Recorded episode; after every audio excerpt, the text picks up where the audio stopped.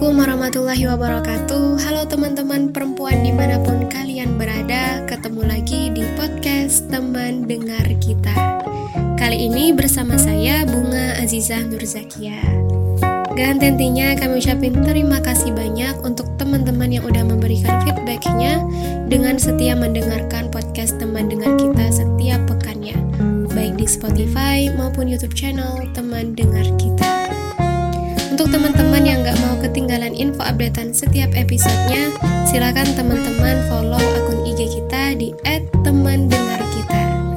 Baik teman-teman, kita udah memasuki episode ke-18. Kira-kira gimana nih? Apakah kalian udah merasa bosan? Semoga nggak ya. Semoga kalian selalu dan akan semakin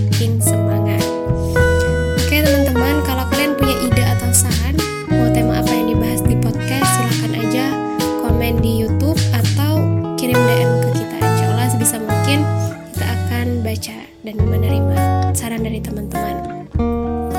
Episode ke-18 ini kita akan ngebahas tema yang sepertinya akan selalu hangat dibicarakan, yaitu antara ekspektasi dan realita pasca menikah. Nah, untuk ngebahas tema ini kita sudah menghadirkan pembicara yang sangat inspiratif. Beliau adalah penulis buku Muslimah Berdakwah, Majelis Syuro Odoj, mentor Duta Palestina, konselor Rumah Keluarga Indonesia, founder One Day Thousand Istighfar, dan juga Ketua BPKK Daerah Istimewa Yogyakarta. Beliau adalah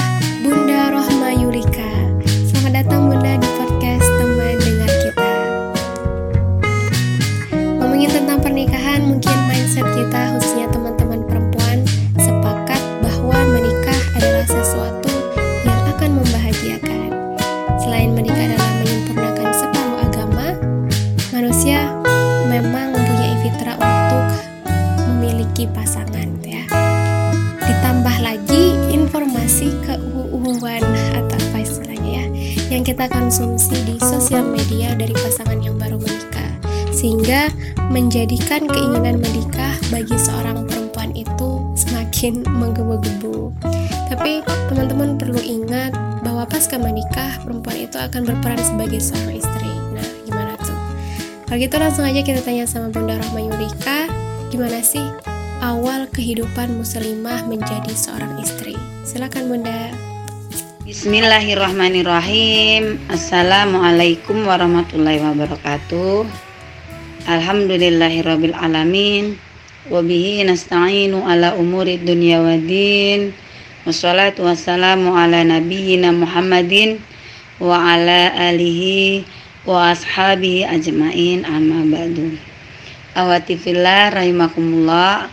Alhamdulillah pada kesempatan kali ini kita bisa berbincang bersama tentang uh, bagaimana kita membangun sebuah keluarga, terutama bagaimana kita sebelumnya harus mempersiapkan. Saya sampai membuat judul artikel itu ya.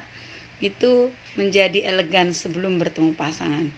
Artinya judul ini uh, cocok ya dengan tema yang sedang diangkat antara ekspektasi dan realita pasca nikah. Nah, di awal-awal kehidupan sebagai seorang istri tentu banyak sekali nano-nano gitu ya, apa yang dibayangkan dan apa yang dinyatakan atau e, sebuah kenyataan yang dihadapi itu hari berganti hari berangsur wow gitu ya. Ternyata gitu ya, ada sesuatu yang berbeda. Karena kita menjalani sebuah pernikahan tanpa pacaran itu yang diingat adalah lillah karena Allah. Sehingga memang tidak tahu banyak secara persis bagaimana keadaan pasangan kita. Orang yang mau pacaran saja berpuluh-puluh tahun mungkin berpuluh-puluh tahun artinya sudah e, lama bercerai juga ada yang seperti itu jadi eh, di awal-awal menjadi seorang istri ya tentu adaptasi yang dilakukan dengan perbedaan-perbedaan kultur ya, kemudian karakter, kebiasaan dan sebagainya. Dan kalau sudah diniatkan kita membangun sebuah keluarga dakwah apa pun itu kita harus menerima dan menjadikan romantic love itu ada terus jadi mengiringi uh, romantika istilahnya naik turunnya uh, irama kehidupan ya di awal, awal pernikahan itu memang harus pandai-pandainya kita sebagai seorang muslimah itu uh, menjalani dengan sebaiknya. Kita modalnya iman kita modalnya uh, ruhiyah kita kita modalnya akhlak kita. Insya Allah bisa memang ya. Dulu melihat seorang iman itu rapi di luar. Tapi setelah aslinya mungkin akan berbeda gitu sudah bersama. Dulu misalnya kelihatannya begini. Nah inilah tugasnya eh, pasangan saling memotivasi saling mendukung untuk berprestasi dan menjadi orang-orang yang mampu menginspirasi masyarakat sekitar orang lain dan banyak hal yang bisa dilakukan sehingga dia berprestasi Oke, itu tadi teman-teman awal kehidupan seorang muslimah menjadi istri. Sebagaimana dijelasin sama Bunda Rahma Yurika. Jadi di awal-awal tentunya kita harus beradaptasi. Karena akan banyak perbedaan, mulai dari sifat, kebiasaan, prinsip, dan lain-lain. Jangankan kita dengan pasangan yang baru gitu ya. Dengan keluarga yang udah hidup bertahun-tahun pun, kayaknya akan ada aja gitu perbedaannya. Oleh karena itu, dengan perbedaan-perbedaan tadi, pasangan baik istri maupun suami harusnya saling memahami, mengerti, dan mendukung satu sama lain. Jangan karena hal sepele kemudian kita langsung cepat nyimpulin gitu ya. Udah ah, nggak cocok sama ini itu. Tapi juga harus kembali ke niat awal gitu untuk apa kita menikah dan sama-sama saling introspeksi diri. Oke, pertanyaan selanjutnya Bunda. Apa aja sih hal yang perlu dipersiapkan seorang muslimah agar nantinya siap menjadi istri dan ibu? Apa saja sih yang harus dilakukan muslimah agar siap menjadi istri dan ibu? Jadi ada beberapa poin yang harus disiapkan ketika kita itu mau menikah. Yakni membangun diri atau membentuk diri itu berkarakter Islam atau bahasa Arabnya saksia Islamnya atau kepribadian Muslim yang kuat. Nah, apa saja yang harus dipersiapkan sebagai seorang Muslim? Dia harus punya akidah yang kuat. Dia punya akidah yang lurus. Karena akidah yang lurus ini sebagai modal mendidik anak-anak dan menjaga keluarga dari hal-hal yang kurang baik apalagi yang berkaitan dengan isme-isme yang beredar saat ini. Yang kedua adalah ibadah. Ibadah yang benar. Seorang ibu itu kekuatan dari sebuah keluarga. Bahkan bisa jadi dikatakan sebagai pondasi apa ya? Itu lebih tepatnya. Kita tahu coba, Rasulullah aja menyebut siapa yang harus kamu hormati, ibu, ibu, ibu baru ayah ada juga hadis yang mengatakan doa yang dikabulkan di antaranya adalah doa ibu. Kualitas ruhiyah seorang ibu itu sangat penting, makanya dia harus memiliki kompetensi ibadah yang benar. Yang kedua adalah matinul khuluk atau berakhlak. Bagaimana tidak mendidik generasi karena sebuah pendidikan itu bermula dari pribadi masing-masing dan pribadi yang berakhlak itulah yang akan berhasil. Bagaimana kita mau mengajarkan akhlak sementara kita tidak berakhlak. Begitu juga dengan pasangan. Ya, memulai akhlak itu dari diri sendiri kepada pasangan. Yang keempat, kita harus punya fisik yang kuat. Dari gadis silahkan olahraga. Sekarang lagi musim goes, senam. Apa saja harus dilakukan gak hanya rebahan, gak hanya tiduran, apalagi pola hidup yang gak sehat.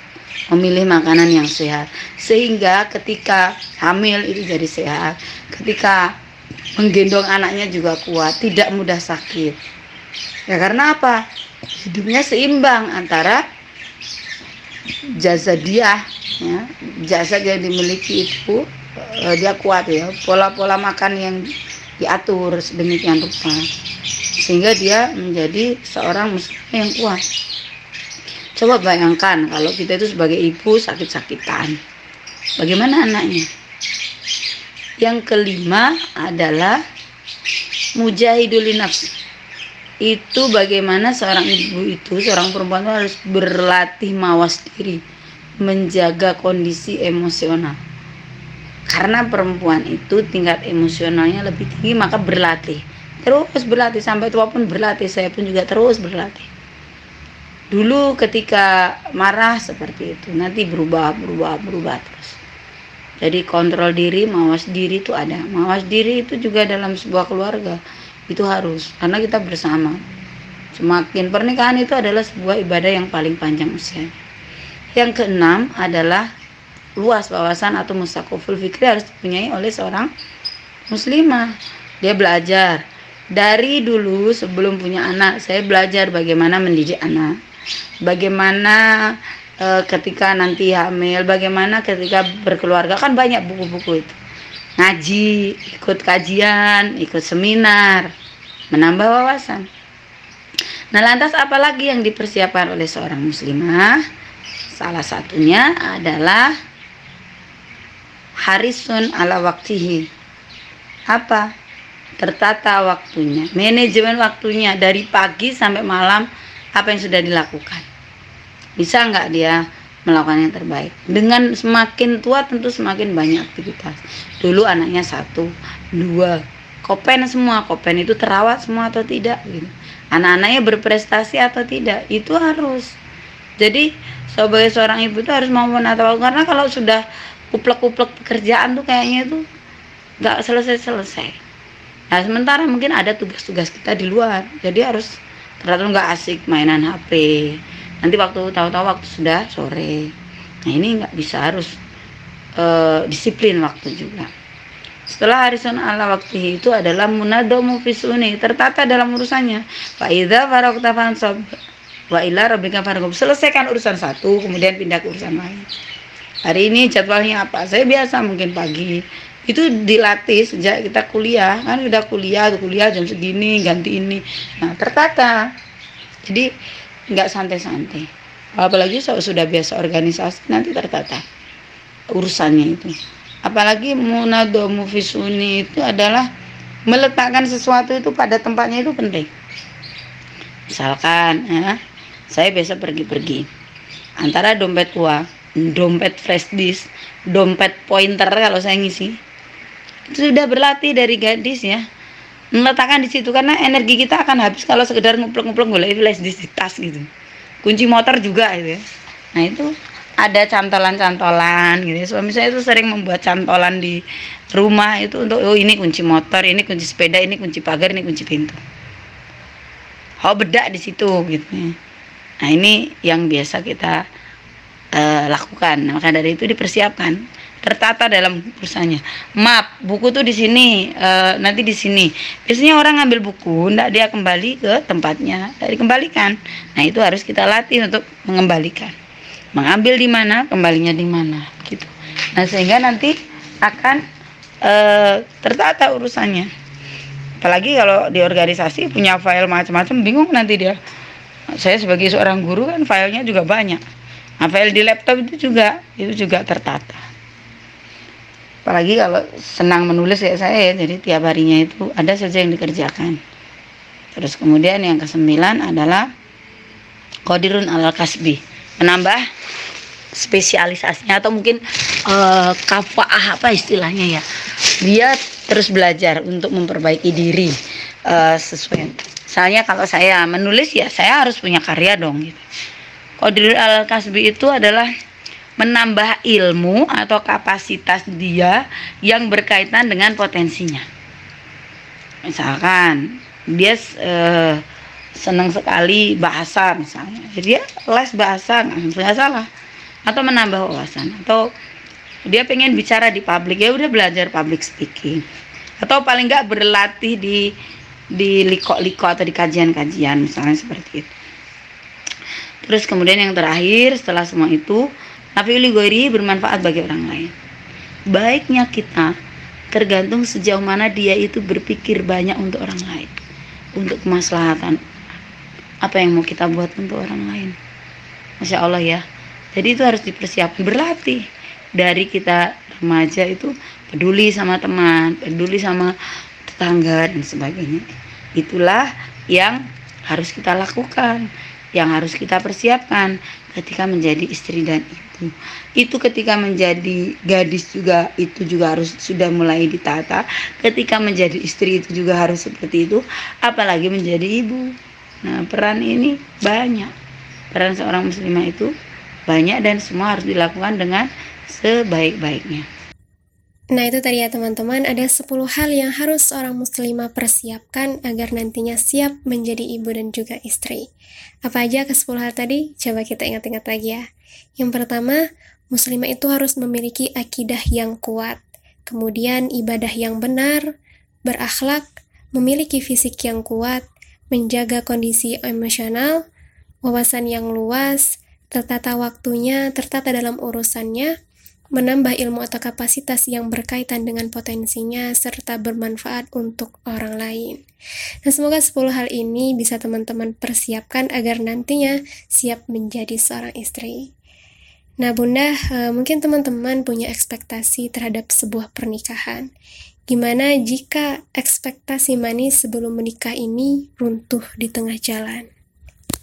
Ada sebuah pertanyaan bagaimana jika ekspektasi manis sebelum menikah itu runtuh di tengah jalan? Kalau kita itu sebagai seorang muslimah yang paham bahwa menikah adalah sebuah kewajiban dan berharap itu akan datang kepada kita, tentu kita akan mempersiapkan diri, menambah keimanan, menambah aktivitas ibadah sehingga keimanan menjadi terus uh, bertambah gitu ya.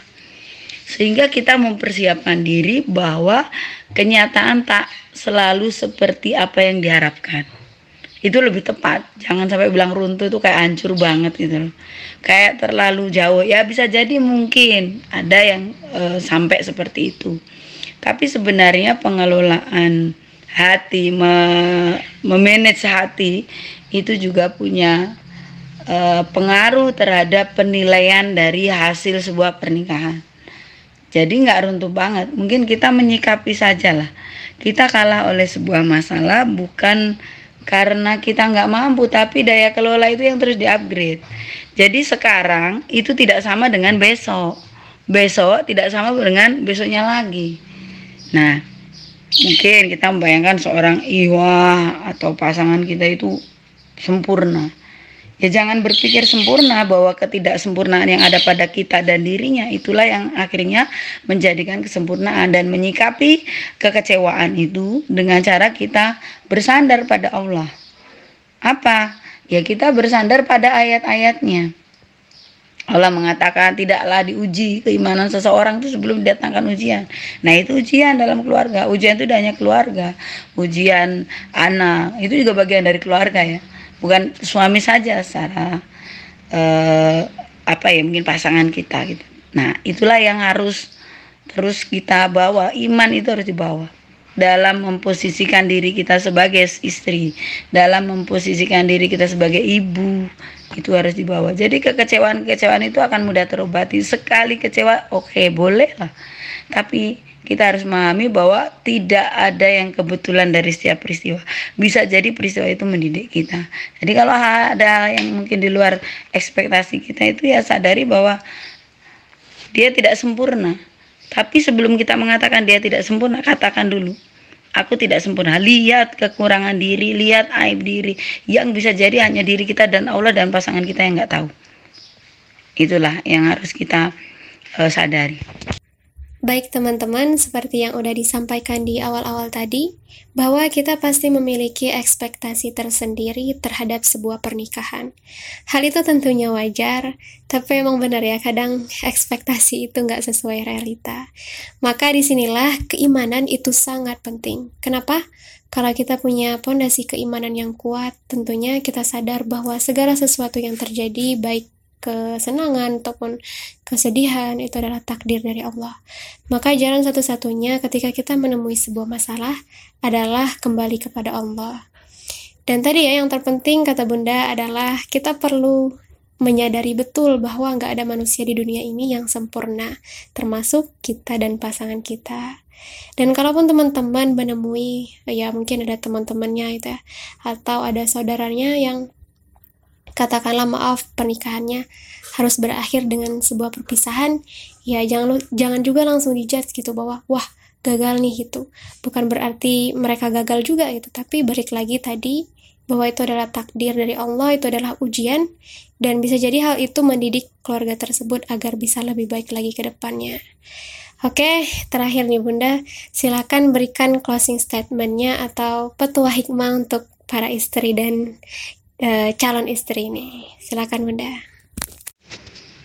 Petua hikmah untuk para istri dan calon istri bahwa kehidupan itu terkadang datang pada kita tak selaras dengan apa yang menjadi harapan juga ekspektasi kita perlu membawa iman dalam setiap menjalani kehidupan. Sehingga kita perlu juga sadar tidak ada manusia yang sempurna.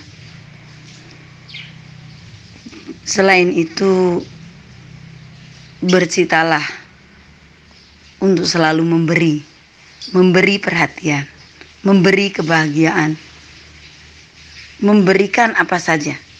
Jangan selalu berpikir bahwa aku diberi, aku diberi perhatian, aku diberikan kebahagiaan. Memberi dulu sebelum kita diberi. Seorang laki-laki pun juga demikian. Jadi prinsip pasangan itu seperti itu. Jadi bukan bagaimana berpikir kamu tuh memberi perhatian padaku, tapi apa yang bisa aku berikan kepadamu itu cinta itu kayak gitu. Cinta itu harus rela berkorban, berjuang untuk menyesuaikan. Maka akan semakin indah bila kita itu selalu menggantungkan segala urusan pada Allah. Ada sebuah hikmah yang uh, kita bisa petik ya dari seorang tokoh Ibnu Athaillah. Beliau bilang Allah itu sering pergilirkan yang namanya kebahagiaan dan kesedihan. Kesenangan dan kesusahan dan dipergilirkannya antara kebahagiaan dan kesusahan itu agar manusia senantiasa bersandar atau menyandarkan urusannya hanya kepada Allah. Karena Allah itulah yang berkuasa, bukan kita. Allah lah yang berkendak atas segala sesuatu, bukan kita. Dan barang siapa yang bertawakal kepada Allah, maka Allah akan mencukupinya. Wa may tawakal 'ala Allah fa Allah akan mencukupinya. Inna Allah balighu amri. Allah itu akan menyelesaikan urusannya. Qad ja'alallahu likulli syai'in dan Allah itu akan menjadikan sesuatu, segala sesuatu itu pada ketentuannya. Jadi kita terus memperbaiki diri, berdoa, menyelaraskan, memahami, terus bukan hanya sekedar ingin dipahami. Begitu mudah-mudahan kita semua menjadi keluarga-keluarga yang sakinah, mawaddah Roma yang berjuang di jalan dakwah sehingga tidak hanya bahagia di dunia tetapi kebahagiaan itu akan dibawa hingga ke surga. Istilah sehidup sesurga mudah-mudahan menjadi doa bagi kita semua. Assalamualaikum warahmatullahi wabarakatuh. Waalaikumsalam warahmatullahi wabarakatuh. Masya Allah, itu tadi teman-teman closing statement dari Bunda Rohma Yurika untuk kita semua. Bahwa dalam membina sebuah rumah tangga, sesama pasangan itu harus saling bersinergi untuk memberikan hal-hal yang terbaik harus sama-sama saling berkorban, sama-sama berjuang, dan memahami satu sama lain. Kayak yang udah dibilang tadi ya, jadi jangan kita mulu gitu yang minta diperhatiin, tapi kita juga harus memberikan perhatian. Oke, sepertinya cukup sampai di sini uh, podcast teman dengar kita pekan ini. Terima kasih untuk Bunda Rahma Yulika yang sudah berkenan mengisi podcast teman dengar kita.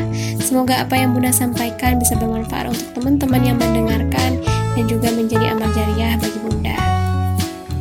Dan untuk teman-teman yang menikah atau ingin menikah, Saya doakan semoga nantinya menjadi keluarga yang sakinah, mawaddah, warohmah. Saya Bunga Azan Nur Zakia pamit undur diri. Jangan lupa selalu jaga kesehatan dan sampai ketemu di podcast selanjutnya. Assalamualaikum warahmatullahi wabarakatuh.